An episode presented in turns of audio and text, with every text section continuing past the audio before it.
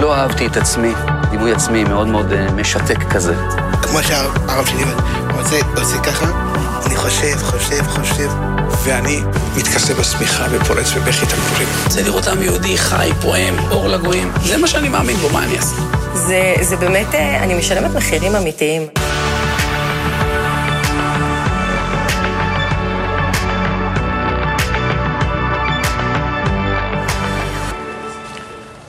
רגע רמי, מה שלומך? הכל בסדר? ברוך השם. טוב, הרבה זמן אני רוצה לראיין אותך כבר, אתה יודע, אנחנו עובדים באותו מקום, יש לך הרבה סיפורים אה, של הידברות מפעם, ואני אישית עד עכשיו לא יודע, לא יודע בכלל למה חזרת בתשובה ואיך זה קרה. ויש לך מלא סיפורים עם הרב זמיר, בחוץ לארץ והכל, בקיצור, יהיה מעניין. שם השם, נעשה ונצליח. אתה בכבוד. הולך לספר הכל. כן, להתוודות.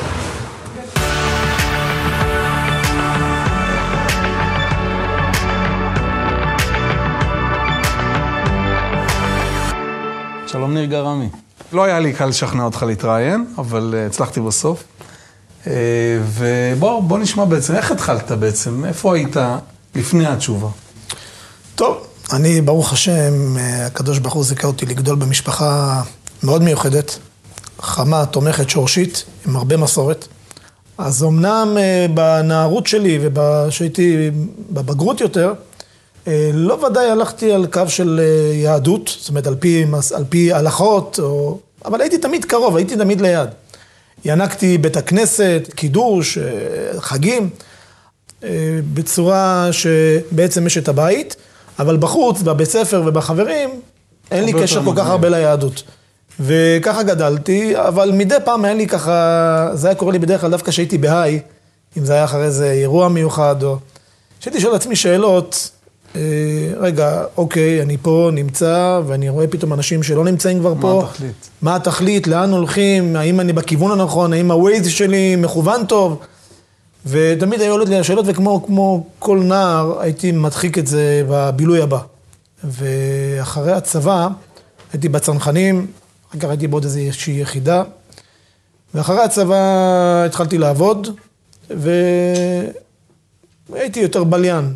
הזמן אצלי הוא מאוד מאוד יקר, יותר מכסף, יותר מכל דבר אחר. הזמן אצלי הוא דבר קדוש. אז ניצול הזמן היה בעצם ליהנות. ליהנות, כמה שיותר לבלות, כמה שיותר לנסות להספיק. ובאיזשהו שלב בחיים הכרתי איזה בחור, והוא גם היה בניצני התשובה שלו, והוא אמר לי, תקשיב טוב, יש לי פה חוברת מאוד מעניינת, אה, שאולי תדבר לאינטלקטואל שלך, כי אני הייתי אדם דווקא די סקפטי. באמת לקחתי את החוברת, ובהזדמנות הראשונה שהייתה לי, קראתי אותה. זו הייתה חוברת תורה ומדע של הרב זמיר כהן. שזה בעצם הבסיס הגלגול למהפך. הראשון, הגלגול הראשון של המהפך. אני אגיד לך שקראתי אותה ארבע, חמש פעמים, הלוך חזור באותו ערב. למשל, החידוש של לבנה, מה שהיום נאס"א מגלה, והמחקרים הגרמנים, ולאחריהם האמריקאים, וחז"ל בכלל זה כתוב בגמרא. לא ידעתי את הדברים האלה. התחלתי להתחבר אני לעצמי יותר לעניין הזה, התחלתי לחקור יותר, לבדוק יותר. כמו שאני מכיר אותך, גם שיגעת את כל הסביבה הקרובה. שיגעתי, אבל בשאלות. זאת אומרת, אתגרתי את כולם. רגע, למה אתה אומר, מי אמר שאין? מי... התחלתי ככה מהדבר.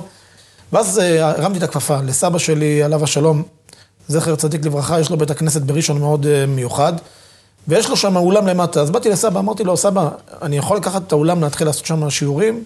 הוא אמר לי, בכיף, יא איבני, רק תעשה שיהיה לך מה שאתה יכול, מה שיעשה לך טוב. לקחתי את האולם והבאתי לראשונה את הרב זמיר כהן, התקשרתי אליו ודיברתי עם הרב, אמרתי לו, תראה הרב, אני קורא ומכיר ומוקיר את מה שאתה עושה, אבל אני יכול אולי להזמין אותך, כי יש לי פה במשפחה הרבה ויכוחים, חברים, שאולי אתה היית יכול לענות להם טוב ממני. הרב אמר לי, בשמחה רבה. באמת הרמנו את האירוע הראשון, עשיתי, לקחתי, אה, הדפסתי מודעות, וחילקתי בכל השכונות, ויש שם איזה שכונות של כמה שכונות שהן אה, מוצהרות כשכונות של אנשים רחוקים.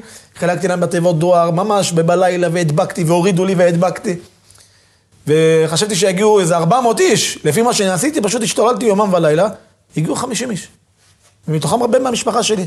היה לי קצת איזה צביטה בלב, חשבתי שיגיעו ו... ובאמת שהרב זמיר הגיע לאירוע והכרנו, היה בינינו כימיה מאוד מאוד חזקה, מאוד חזקה, ואז התחלתי לה- להזמין את הרב על בסיס נראה לי חודשי. התחלתי להתחבר לארגון אחר, שבעצם עוד לא היה הידברות, היה ארגון ערכים. אה, התחלתי להזמין דרכם גם רבנים אחרים. והייתי קונה מלא חוברות, חברים שלי גם היינו מבסים גם שם כיבוד, וכל אחד שנכנס נותנים לו מתנה חוברת. לא גרם לך להתייאש? אתה רואה שהקצב צמיחה... האופי שלי, האופי שלי הוא, הוא ההפך מייאוש. ובעצם אה, התחלתי לראות שזה באמת מעניין אנשים, באמת נגע. אפילו שהיה בהתחלה חוג מצומצם, אבל החוג המצומצם הזה התחיל להשתנות לי מול העיניים. ראיתי זה בדברים נפלאים, אם זה לקבל על עצמם שבת, או לברך, או ברכות השחר, או... ובעצם מפה הנשמה שלי נכנסה לעניין של קירוב וזיכוי הרבים. אני לא רוצה להגזים, אבל כמו אדם שלצערנו הרב מכור לסמים או לאלכוהול. פשוט ככה זה היה. זה היה לא אפילו יכלתי- מוגזם בשלב מסוים? כן, אני חושב שזה היה מוגזם. זה היה פשוט שאני נשאבתי לזה ויכלתי יכלתי לדבר רק על זה, לשמוע אנשים רק על זה, ולא עניין אותי לדבר שום, על שום דבר אחר. ממש הייתי קצת, נראה לי, איך אומרים, אובר. והייתי מזמין אה, ממש, אה, התחלנו להקים שיעור תורה. הבאתי הרבה אברכים, היה- הגענו למצב שהשיעור תורה בבית הכנסת היה למעלה יותר. הבאנו חמישה אברכים מארגון אחר, שהיו מגיעים ערב ערב עד שזה נהיה, הפך, הפך להיות המקום השני בארץ בשיעורי תורה. הייתי נכנס לבית הכנסת, אתה רואה 50 בני נוער רגילים, צמות, אה, וכל אחד זה לומד פה פינה הלכה, פה גמרא, פה מוסר. היה לי פשוט סיפוק אדיר, שפשוט זה נהפכתי להיות מכור לדבר הזה. התחלנו לדבר יותר אה, כבר אחרי השיעורים וההרצאות וכולי, מה היינו רוצים שיהיה, וכמובן להרבות כבוד השם, בש... כבוד השם בעולם. כשאני הגעתי להידברות, אז היו שם בערך חמישה-שישה בחורים, היינו ברבי עקיבא 84 בבני ברק. השכנים היו עכברים, חולדות, ממש ככה. זאת אומרת, זה היה מראה רגיל, שכיח אצלנו. אבל היה לנו רוח לחימה אדירה. אה, ואז התחלנו להתפתח, היה את הערוץ המקומי. מתנ"סים, אה, עיריות. כן. אני חושב שהם לא האמינו. הערוץ הקהילתי התחיל לקבל טלפונים בעשרות במאות. מה זה? מי זה? אתה יודע, ההרצאות הראשונות של הרב זמיר, שהרב הרב זמיר בעצמו בהתחלה לא כל כך רצה לעשות אה, סרטים, הוא יותר רצה לכתוב חוברות. אה, וכשהרב דיבר בהתחלה בהרצאות הראשונות, תקשיב, זה היה איזה סטארט-אפ לא נורמלי רוחני. אז לא היה עדיין אתר אינטרנט, נכון? אה, זה היה אתר בשעתו שהתחילו להיכנס אליו אנשים, אתר, התחילו רק להעלות את ההרצאות הראשונות, קצת מאמרים. אבל הערוץ הקהילתי נתן את אותותיו, ואני כבר לא כל כך זוכר כמה שנים היינו שם, שנתיים, שלוש, אל תתפוס אותי בזמנים, אבל הביקוש הוליד את מה שאתה רואה היום, את האימפריה הזאתי, כי ראינו שאנשים אה, שנראים לנו רחוקים, מתקשרים בהמוניהם. הייתה אפילו הקלטה אחת של בחורה, אישה קיבוצניקית, שאני חושב שיש לה הרבה זכויות והיא לא יודעת את זה, שהיא תגיע אחרי 120 שנה לשמיים, יגידו לה, תשמע, את יודעת, את שותפה פה בבניית בניין, השאירה לנו כזאת הודעה מרגשת. מי אתם? מה אתם? אתם פשוט לא יודעים מה עשיתם לי, אני לא יודעת איפה אני יכול לפגוש אתכם, אני פשוט אה, קיבוצניקית וזה פשוט... אמרנו, רגע, רגע, רגע, אנחנו כנראה פה... עלינו על משהו. עלינו על משהו. עלינו, עלינו על משהו שאנשים רוצים אותו, וחסר אותו. זה היה בשעתו לדבר, לפתוח ערוץ טלוויזיה. תקשיב, זה היה דמיוני. זה היה דמיוני ברמות אה, שאני חושב שזה כבר גבל בהזוי. אתם יודעים, עזוב, עזוב את היכולת, יש לכם תקציב? אבל אתם אנשים, אתה יודע, אתם לא מדומיינים, באתם גם מהעולם החילוני, אתם מבינים איך דברים מאוד לא עובדים. מדומיינים, מאוד אז לא. איך כאילו פתאום הגעתם לדירה הקטנה הזאת ונהייתם כביכול מדומיינים? אני חושב שהציבור גרם לנו להאמין בעצמנו. אתה רואה צעירים, אתה רואה אנשים מכל החתך האוכלוסייה היהודית, ותתפלא, גם לא היהודים, בסדר? דרוזים וערבים. לנו יש אה, רופא בקופת חולים, לבן שלי קוראים זמיר כהן, הוא בא לאשתי ואומר לה, תגידי, זה על שם אה, הרב זמיר כהן? אז היא אומרת לו, איך אתה מכיר אותו? אומר, מה זה, אני רואה הידברות, אני מת על הרב זמיר, תמסר... מה, אתם קשורים וזה? אז אמרה לו, כן, אה, תמסרי לו דש, זה דרוזי, רופא דרוזי. תקשיב, מי, ש, מי שהיה הקטר, הרב זמיר, נתן לנו תמיד תחושה, הכל, הכל, הכל בידינו. אל תבהלו משום דבר. הכל יכול לקרות. אם בורא עולם הוא זה שמנהיג את העולם, מה שנראה לך היום אה, אה, הזוי, מחר יהיה הדבר הכי מציאותי, איך חשבת בכלל שזה לא יקרה. והתחלנו לדבר לפתוח ערוץ טלוויזיה. האתר בד בבד גם השתכלל. אה, התחלנו להתעסק גם בגיוס כספים. כי הבנו שאם אנחנו רוצים להגשים את החלום הזה, אם אין קמח אין תורה. לא אנחנו אמרנו, זה חז"ל. זה פשוט הכי אמיתי בעולם. זה משפט שאתה הרבה פעמים אומר לי, ותראה, מצד שני, יש את העניין הזה של למה אתם מתרימים, למה זה, למה משדרים, כאילו, בואו, תנו לנו תוכן, תחזקו אותנו. תודה רבה. מה אתה יכול להגיד לאנשים שמרגישים ככה? ויש לא מעט אנשים שמרגישים ככה. תראה, יש לנו את התורה הקדושה. בתורה יש פרשה, פרשת תרומה. בורא העולם מבקש ממשה רבנו, ויקחו לי תרומה. למה? לבנות את המשכן. אני לא כל כך מבין את הבקשה הזאת. בורא עולם צריך לבקש שאנשים יתרמו כסף לבנות משכן? יש עניין שלכל יהודי בזמנו בדור המדבר, יהיה לו חלק במשכן, הוא לא עושה טובה לבורא עולם, הוא עושה טובה לעצמו. אנחנו מרגישים, לא חס ושלום שאני עושה טובה לאנשים, אבל זה, איך אומרים, זה, זה אותו דבר. אני בעצם השליח מצווה שלך לעשות את כל הדברים הנפלאים האלה. כי אמנם בלי ציוד, עכשיו איך מצלמים אותנו? יש פה צלמים, יהיה עורכי וידאו, אה, צריך לשלם כסף להוט, ליס ולכולם, אה, צריך לשדר, הכל זה כסף. אבל היום כל האימפריה הזאת שייכת לאותם אנשים. אותם אנשים יש להם שווה זכויות בדבר, במפעל הזה, שכמו שאני אמרתי, אני יכול לדבר היום אולי טיפה מן הים. אולי אם ברור העולם ייתן לנו לדבר על טיפה מתוך האוקיינוס, אז זכינו. אבל שידעו שהם יושנים, אוכלים, עובדים, זה שלהם, שלי, כמו שאנחנו שלנו ביחד. אנחנו צריכים שותפים. אם אתה מאמין במה שאני עושה, אז אה, בוא נתחבר. אוקיי, אז אחרי שבונים אימפריה כזאת, איך מתמודדים עם קשיים? אתה יודע, אחרי שהקמתם את הערוץ, שנה בערך אחרי זה נקלעתם למשבר כלכלי.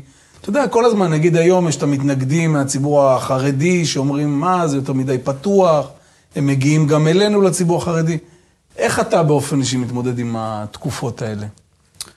תראה, גם שלפני שהערוץ הוקם, אה, הייתה חב- חברה אחת שנתנה לנו את הזכות כניסה הראשונה לעשות בערוץ ערוץ טלוויזיה, והם בדעתם חשבו שהם אה, מדברים פה עם חבר'ה שיש להם איזה לפחות 100 עובדים. הם לא ידעו שאנחנו מאוד מצומצמים, ואין לנו אפילו, לא, ש... לא שיש לנו פלוס בבנק, אלא אנחנו במינוס. כשחתמנו את ההסכם לא רעדה לנו היד, כי ידענו שבורא עולם, אה, זה הזמן, זה השעה, והיה קשיים בכלל לדבר בכלל על הערוץ. והקדוש ברוך הוא, תקשיב, ההשגחה פרטית, איך אמרתי פעם תמיד, אני אומר שאולי יום אחד שהקדוש ברוך הוא ייתן לי זמן, שנהיה קצת מבוגרים, אני אשב על איזה נדנדה ואתחיל לרשום את הסיפור על ההשגחה. מעבר, לה, מעבר להצלחה, על ההשגחה שהייתה איפה פה. ראית אותה הכי הרבה? בכל צומת. בכל צומת. בצומת שאתה פתאום נראה שאין אוויר, שזה הרגע האחרון שעומדים ליפול, פתאום בעולם מביא איזה מישהו שנותן איזה סכום אגדי. תגיד, עוד אה, שלב של, אה, באבולוציה אה, של הידברות היה בהקמת מחלקות. תוך ממש כמה שנים הוקמו כמה מחלקות, מחלקת שבויות, שנגד התבוללות, מחלקת אימא לטיפול בהפלות, חוגי בית וכולי וכולי.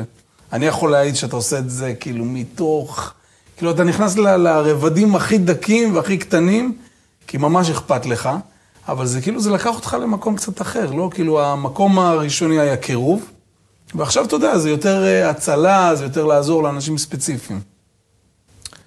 שאל אותי פעם אחת אחד הרבנים המפורסמים של הידברות. הוא אמר לי, תגיד לי, ניר, למה ריבונו של העולם, אתם צריכים את כל המחלקות האלה? במקום להתרכז בערוץ טלוויזיה, אתר אינטרנט, יש לך מטרה, תדהר עליה. אמרתי לו, הרב, תראה, אני, אה, מה שאתה אומר, אני מבין, אבל מה לעשות שפתאום אתה רואה בשכונה דלקה בקומה שתיים. משפחה, ילדים צועקים מתוך הבית, אש, אנחנו נס... ואתה אומר, תקשיב, אני, יש לי אמבולנס, אני אין לי מכבי אש, שיגיע מכבי אש, אני... מה אתה עושה? אתה ישר לוקח מים, ומתחיל לזרוק, ומתחיל לנסות, ומתחיל לעשות, לכ- לכבות את האש, אתה לא שואל שאלות, אפילו מה... הכל אתה עושה כדי להציל. כשאנחנו נמצאים במחלקות ורואים חולאים, ורואים אה, אנשים שנמצאים, אה, ואין ספור בחורות, למשל, סתם דוגמה, דיברת על הפלות. אה, זה אין ספור סיפורים של בחורות שזה היה רק בשביל 500 שקל לסגור את החוב של החשמל.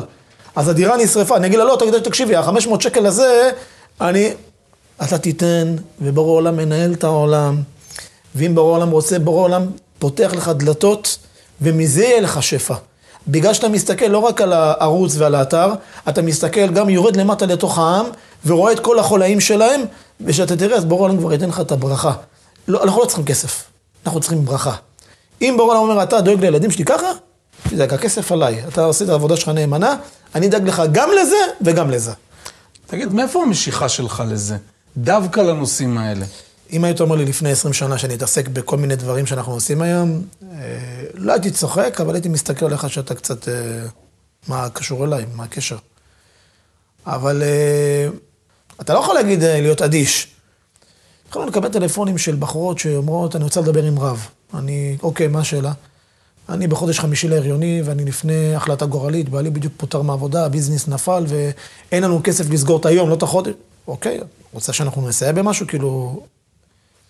יש היום ילדה בת 12 שהיא גרה בעפולה, שהיא הילדה הראשונה שיצאנו מהפלה, לפני 12 שנה. היא כבר חוגגת, חוגגת בת מצווה. אז אה, זה היה ככה, מסכנה, אישה בהיריון, היא באה לכנס של הרב בעפולה, הרב, אני לא יכולה. אז הרב אמר לי, "ניר, נראה לך שאפשר... ומזה ראינו ש... תקשיב, 500-600 שקל נולד ילד. מה שפרעה עשה זה היה לזכרים. פה אנחנו נמצאים גם על הזכרים וגם על הנקבות. אנחנו מדברים על 40 אלף הפלות בשנה, הרשמיות. והיום אנחנו נמצאים, חמש שנים אחרי הקמת המחלקה באופן רשמי, עם קרוב ל-4,500 ילדים. יש סיפור אחד שריגש אותך במיוחד, זאת אומרת, אתה שומע הרבה ומכיר הרבה. סיבכת אותי. אני כל היום מקבל לטלפון תמונות של ילדים בחדר לידה. ככה כל היום. ילדה פה, ילדה שם, ולפעמים על דברים שאתה פשוט לא מאמין. הרבה פעמים אנחנו שמים לב שזה לא קשור רק לגשמי. אני לא מקל ראש בקשיים של האנשים, במיוחד של האימהות האלה, אני לא מקל בראש. יש לפעמים באמת בחורה שבעלה ברח. ברח, נסע לברזיל, שרה עם ארבע ילדים, בהיריון. ולא קל לי לבוא להגיד לה, אבל שום דבר לא, לא, לא מצדיק בעצם רצ... רצח של ילד יהודי. והיום שאנחנו רואים את ההצלחה, והמחלקה מקבלת מאות טלפונים בחודש, וכמעט 95 אחוז הצלחה, זאת אומרת, אם יתקשרו 100, 95 אחוז מוצלח. המחלקה הזאת דווקא חטפה הכי הרבה מהתקשורת הכללית. ידיעות אחרונות, ynet, מאקו, מי לא. בסופו של דבר זה, זה מוריד את ה... או מעלה? הכי מחמיא שיש בעולם. אני, אני מודה להם. הם נותנים לי הרבה כוח, אני חייב להגיד את זה לשבחם, שדווקא הם מתקיפים אותי, אני מאמין שאני בדרך הנכונה. גם להם יש עכשיו זכויות כן, בעולם. אני משת, משתדל להסתכל על כל יהודי בקו זכות. אז יש להם הרבה, הרבה, הרבה זכויות.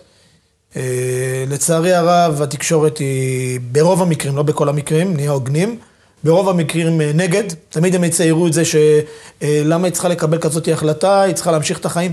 אבל יש פה, יש פה החלטה של ילד. ואם הילד הזה עכשיו יהיה בן חצי שנה ויבוא אליהם ויגיד לו, תשמע, את יודעת שהבעלך התפטר מהעבודה? אז בוא ניקח את הילד ונזרוק אותו. מה קרה עכשיו שהילד בפנים? מה, אז מה הם שונה? טוענים, כשהוא בפנים, אז הוא לא אה, יצור, אז ברוך לא חי, השם, ו- אז ברוך השם, אני לא יודע מה יצור לא יצור, אני יודע שבסוף יוצאים אני ואתה וכל מי שנמצא בעולם נמצאים דרך היצור והמים האלה. אז לא שמבחינה הלכתית וכל הדברים האלה שזה לא מדויק מה שהם אומרים, וגם מדעית. והכי מצחיק שבד בבד הם יכולים לדבר איתך על העניין הזה של, ה- של ה- ריבוי היהודים בארץ, כמה זה חשוב. ו... מה, אז מה רגע, אתם תרדי דסתרי, אתם מצד אחד אתם רוצים שילדים יודעים או ש... וברוך השם, הצלחה כבירה, אבל אני אגיד לך יותר מזה. זה לא רק הטלפון שיציל את הבחורה מההפלה, זה הסרטונים שאנחנו עושים. והשם הטוב של הידברות, ברוך השם, בין הבנות האלה שהידברות אה, לא רק בדיבורים, אלא גם במעשים, עומדת, הנה, למשל בחגים, קרוב ל-90, 90, 80, 90 אלף שקל אני מחלק על תלושי מזון.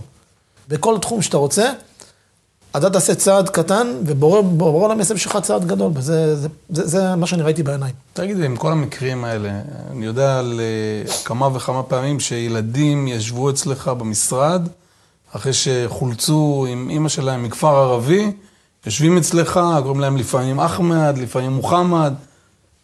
מתישהו מתרגלים לזה? או שזה כאילו תמיד... טוב, אתה אה, עברת, עברת, איך אומרים, בסטייה חדה למחלקה אחרת. לא, זה לא כל כך חד. מחלקת שבויות, כשאני מדבר על זה, אני צריך תמיד לקחת אוויר. שזו גם קלינה. שזה גם קלינה ש... עבודה מדהימה. שאי אפשר להגיד שבחו של אדם בפניו, אבל זה אחד האנשים החזקים היום בעולם יותר. אישה מדהימה, שבורא העולם נתן לנו זכות שהיא תהיה אצלנו בארגון. אה, אני חושב שהיא עובדת 22 שעות ביממה. אני יודע שאתה חושב שאני מגזים, אבל אתה קצת מכיר אותה, אז אני מכיר אותה יותר. מרוב חוצפתי, אמרתי לפרסם שהטלפון שלה 24 שעות, אז היא אומרת לי, אנשים לוקחים ברצינות את מה שאתה כתבת, ואז אנשים מתקשרים בשתיים בלילה, שתיים וחצי, ואין גם על שטויות. תראה, מחלקת שבויות, אני אגיד לך, עושה פה וידוי. לפעמים אני חוזר הביתה או נוסע באוטו, ואני מרגיש שאת הלב שלי כבר לא יכול לעמוד בזה. סיפורים, דברים מפחידים. וכשהתחלתי עם הבחורה הראשונה, זה היה לפני מעל עשר וחצי שנים. בחורה שמכירה בחורה שמכירה חברה, היא אומרת לי, תשמע, אתם ערוץ יהדות, אולי אתם יכולים לעזור לה, ובחורה חברה שלי נמצאת בקשר עם איזה כנופיה מאזור ה... אוקיי, מה הבעיה שלה? היא אומרת, עומדים לרצוח אותה, איימו עליה, שאם היא לא תבוא, ו... טוב, הרמתי טלפון לבחורה. מי את? מה קרה? מה הסיפור? מה... תקשיב, אני בסכנת חיים, הם אמרו שהם יבואו, הם יהרגו אותי, ואני... טוב. היא הייתה משהו בחולות יבנה, לקחו אותה כמעט לחולות יבנה, הרמתי לה טלפון, והגעתי, ונתתי לה ככה את הכוח, שלא הכרתי את הסיפור בכלל, זאת אומרת, זה היה פעם ראשונה שנחשפתי לדבר הזה. והברחנו אותה לאן שהברחנו אותה, היא הייתה בחורה, איך אומרים, כבר הם הורידו אותה לדיוטה התחתונה. והיה קשה מאוד להוציא אותה, זה היה המון אנרגיה, ואתה, ואתה יודע, הייתי עוד פה בהידברות. אתה עובד משרה מלאה, אתה יודע מה זה אצלנו משרה מלאה, זה 20 שעות. אה, ואתה צריך גם לחשוב, היא צריכה להיות לך במחשבה, הבחורה הזאת. כי עוד פעם, אתה, יש פה איזה מישהו שזקוק לך.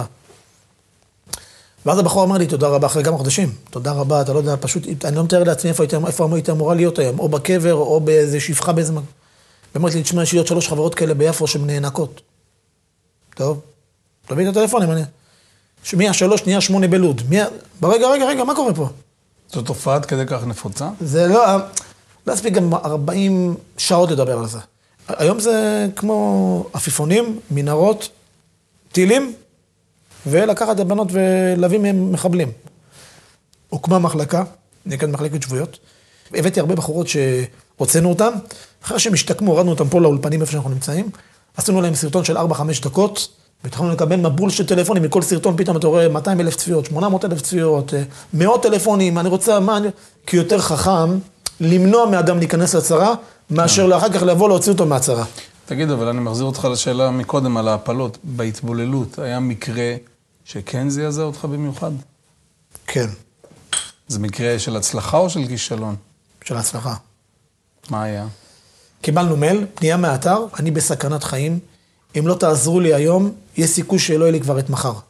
אני נמצאת פה עם אה, שתי ילדים, והשתי ילדים האלה הם בכלל מאבא יהודי. לא מה... אוקיי, וקוראים את זה, ורואים בסוף המייל, היא גרה באחד הערים המסוכנות ברשות הפלסטינאית. הכרתי בחור שהיה מאבטח אישים, הרמתי אליו טלפון, אמרתי לו, תקשיב, אה, הצבא, המשטרה, אין סיכוי, מה עושים? הוא אמר לי, תן לי חצי שעה, אני חוזר אליך. אחרי חצי שעה הוא מתקשר, אמר לי, תשמע, עליתי על רעיון. אה, יש לנו איזה קשר עם איזה משת"פ באותו עיר, נהג מונית, פלסטיני. הוא אמר לי שהוא מוכן, נשלם לו, הוא יהיה מוכן לעמוד אצלה בשעה אחת מחוץ לבית. אם באחד וחמישה היא לא יוצאת, הוא נסע. איך בשעה אחת היא יוצאת, שהוא לא נותן לה אפילו לצאת מפתח החדר, לא מדי... איך היא עושה את זה? פשוט, הייתה השגחה פרטית, היא יצאה עם שתי ילדים, באחד ושלוש דקות היא כבר הייתה במונית, זאת אומרת, עוד שתי דקות היה יוצא. ולקח אותה והגיע למשטרת אריאל, באותו ערב היא הגיעה אליה למשרד. והיה שם ילד אחד, בן ארבע, חמש, מה זה מתוק? מה זה מתוק? אתה מסתכל עליו כמו... עכשיו, אני רואה את הילד עם חבלות. פה אדום, פה כחול, פה שריטה. והבחורה עם הפנים למטה, לא מסוגלת להסתכל לי בעיניים. אמרתי, תגידי, למה הוא ככה עם כאלה חבלות? היא אומרת לי, כי הוא השק אגרוף של, השכונה. כשראיתי, ראיתי את הילד עם הפנים למטה, תשמע, אה, לקח לי 24 שעות להירגע. שהבנתי, בואנה, תקשיב טוב, מה זה הילד הזה יכול עכשיו יכול לגדול? ושתדע, יש היום שכים במסגדים, ואנשים שנמצאים בעמדות מפתח בתוך ארגוני טרור, שהם ילדים יהודים למהדרין מאמא יהודייה. בוא נדבר על מסעות שלך בחו"ל, עם הרב זמיר. אתה בעצם אחראי גם על הפעילות השוטפת של הידברות בחו"ל. אה, יש איזה מקום בעולם שלא הייתם בו? כאילו אוסטרליה, אתיופיה. לא היינו באיראן באופן רשמי, אוקיי. אבל אנחנו מעורבים שם מאוד חזק, באיראן. אוקיי. אתה יודע מה עשינו עם, ה... עם האתרוגים, כן. ועם התפילין, וכמה הם רואים את הידברות שם באיראן, הדשים שאנחנו מקבלים, שיש להם כל יום רביעי, הם פותחים מסך ורואים את הרב זמיר, ועומד ליד זה רב פרסי, מתרגם להם כל חמש דקות. אנחנו רואים את זה גם באתר הידברות, כניסות. נכון, מאיראן. נכון, מאיראן, מערב הסעודית, מכל, אתה, מי כמוך יודע מאיפה צופים בנו? בהתחלה זה מפתיע כאילו לראות אנשים שהם כל כך רחוקים כביכול ומכירים? אה, תראה, עם ישראל בסופו של דבר הוא משפחה. אה, נראה לנו שאתה גר באמריקה, אז אתה נהיה אמריקאי, ונראה שאתה נמצא בבלגיה, אז אתה נהיה בלגי. נכון, המנטליות חודרת ועושה את שלה, אבל ב, ב, בגרעין הפנימי, אני ואתה עדיין יהודים. אבל אתה רואה את זה שאנחנו נוסעים במסעות בעולם, כמה עם ישראל רחוק קרוב, ככה אני, רחוק קרוב. אתה רק קצת כמו פופקורן, טיפה חום, מה אתה שומע נפתח. שם? תן לי איזה סיפור או שניים. פשי. תקשיב, אנחנו נמצאים לפעמים בסמינרים בלוס אנג'לס, ניו יורק, ברזיל. אתה פתאום רואה איזה משפחה. עכשיו, כל השבת אתה לא כל כך אה, איתם, אה, כי יש לך עדיין את ההפקה, את הלוגיסטיקה. בסוף ה... יום ראשון לפני שהם יוצאים הביתה חזרה, הם אומרים לך, בעדינות כזאת, יש להם את המנטליות של העדינות. אפשר להגיד לך משהו? שמחה, עומדים עם הילדים הקטנים, חמודים. אומרים, רצינו להגיד לך דבר אחד, אנחנו לא יודעים אה, מי מפעיל, מה מפעיל, אולי פה זו הזדמנות להגיד לך יישר כוח. אנחנו גרים בעיר, בארצות הברית, שלא שאנחנו אין לנו יהודים, לא שאין בית הכנסת. אנחנו המשפחה היחידה ברדיוס של אה, 200 קילומטר, אנחנו היהודים היחידים. לא נדבר על כשרות, לא על גנים, לא על בית ספר, לא על כלום, אין לנו כלום. ובקלות היינו יכולים להתבולל כי זה קורץ, אה, גם החומר וגם ה... אבל בזכות הידברות, שאנחנו צופים באתר, בהרצאות, ב... אנחנו לא רק שנשארנו יהודים, אנחנו התחזקנו יותר מאשר היינו בארץ. ואתם פשוט הצלתם משפחה. וכאלה סיפורים אני שומע, להגיד לך אלפים, אני מכיר אלפים סיפורים, ואני בטוח שמה שאני לא מכיר יש אולי עשרות ואולי מאות אלפים. כל מיני פינות בעולם, הגענו לאדמנטון, זה מקום קרוב לאלסקה בקנדה, עזוב את הקור שיש שם מינוס 50. הגענו בשמונה בערב, בכלל היינו בברזיל, בסוף, היינו באמריקה הדרומית, ואחרי יומיים כבר היינו בסוף אמריקה הצפונית, באדמנטון, בקור, מברזיל החמה ל... ובשמונה בערב הגענו, ובשש בבוקר כבר טסנו לניו יורק, ואתה רואה את הצמאון, אנשים רואים את הרב זמיר, את הרב פנגר, את... אנחנו לא מאמינים שאנחנו רואים אתכם, ממש, אמרתי לך, זה כמו... וכשאתה רואה את זה, אתה מבין את האחריות, את הצמאון ואת הנבואה של הנביא עמוס, שהשלכתי רעב בארץ. כי צמאון יש. רק אתה יש לך אחריות להביא לו את המים ראשון, כי אחרת הוא ייתפס במקום אחר. אבל תגיד, משהו שמעניין אותי. אתה מתלווה לרב זמיר ברגעים ה... אתה יודע, יש את כולם, זה, מדברים. בסופו של דבר אתה, אתה נמצא איתו גם ב... ב אתה יודע, בחדר, לבד. מה, מה גילית על הרב זמיר שלא ידעת ב, דווקא בנקודות האלה? הרב, אה, מה שאתה רואה, מה שאתה צופה, מה שהוא אומר, זה מה שהוא. ואני, כשאני עולה איתו למטוס, אתה יודע, בדרך כלל לרוב ישנים. אני הרבה פעמים ישן, כי זה ההזדמנות שלי ללכת לישון באמת. אה, והרב לוקח את המחשב ומתחיל לעשות הגעה לספרים, לכתוב את הספרים שלו, אה, אה, אה, לענות תשובות לאנשים. הוא תמיד יהיה בעשייה, תמיד הוא יעשה, ובוא, שיהיו- הכל כל הזמן. כשאתה מגיע איתו לחדר, בדרך כלל יש לרב את החדר שלו, כמובן, כן, שלו. אבל אתה רואה את העדינות, את הצניעות, את הבין אדם לחברו, שאצל הרב זה מאוד מאוד מורגש. יש לו בין אדם לחברו מאוד קיצוני. אה, בדגשים הכי ניואנסים הקטנים ביותר, שאתה בכלל לא תחשוב, שאתה חושב שאתה מאה אחוז ואתה בסדר גמור, ואצל הרב זה אתה אפילו לא התקרבת בכלל להתחלה. אה, ודברים מדהימים שבעצם אני רואה שהוא אותו אדם. זאת אומרת, זה יכול להיות הרב, אני ועוד איזה חבר, כאילו עובד. אנחנו לבד, בטיסות, בזה, ואתה רואה אותו דבוק במטרה, אה, לא, אה, לא נכנס לסחרחורת אם חיכו לו באולם עשר אלף איש, אלף איש או שלושים אנשים. אה, אתה רוצה סיפור יפה? אספר לך סיפור יפה. פשוט. הייתי לפני שנתיים, עשינו סמינר בקונטיקט.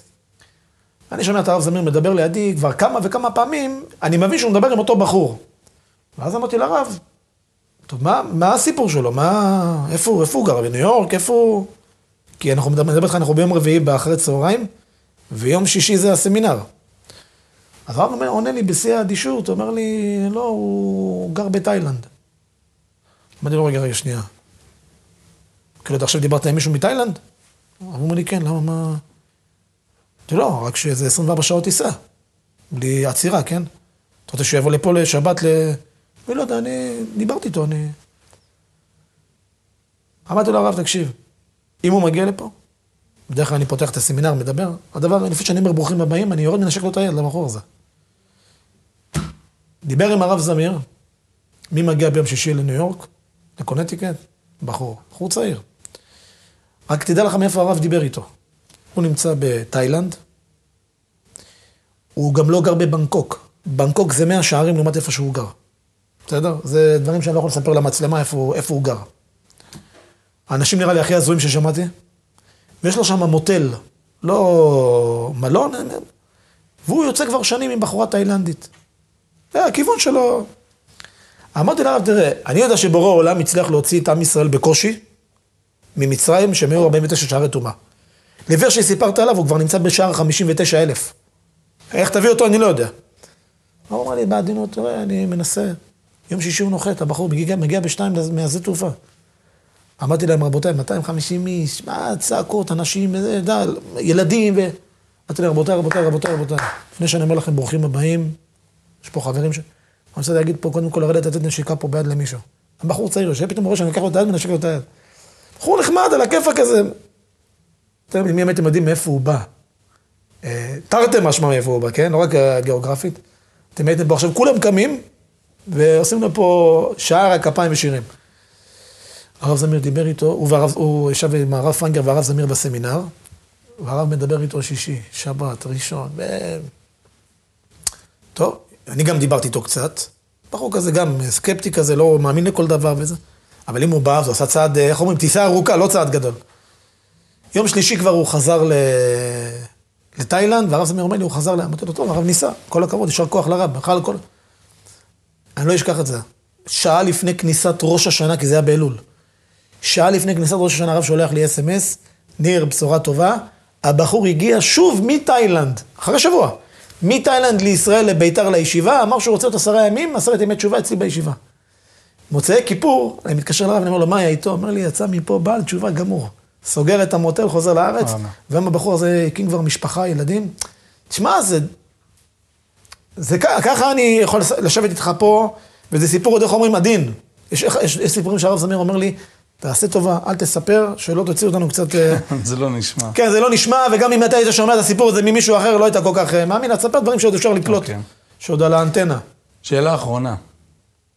יושב צופה, צופה בבית, אומרים לעצמם, תשמע, זה סמנכ"ל הידברות, הבן אדם חי את זה, הקדוש ברוך הוא שם אותו במקום הזה.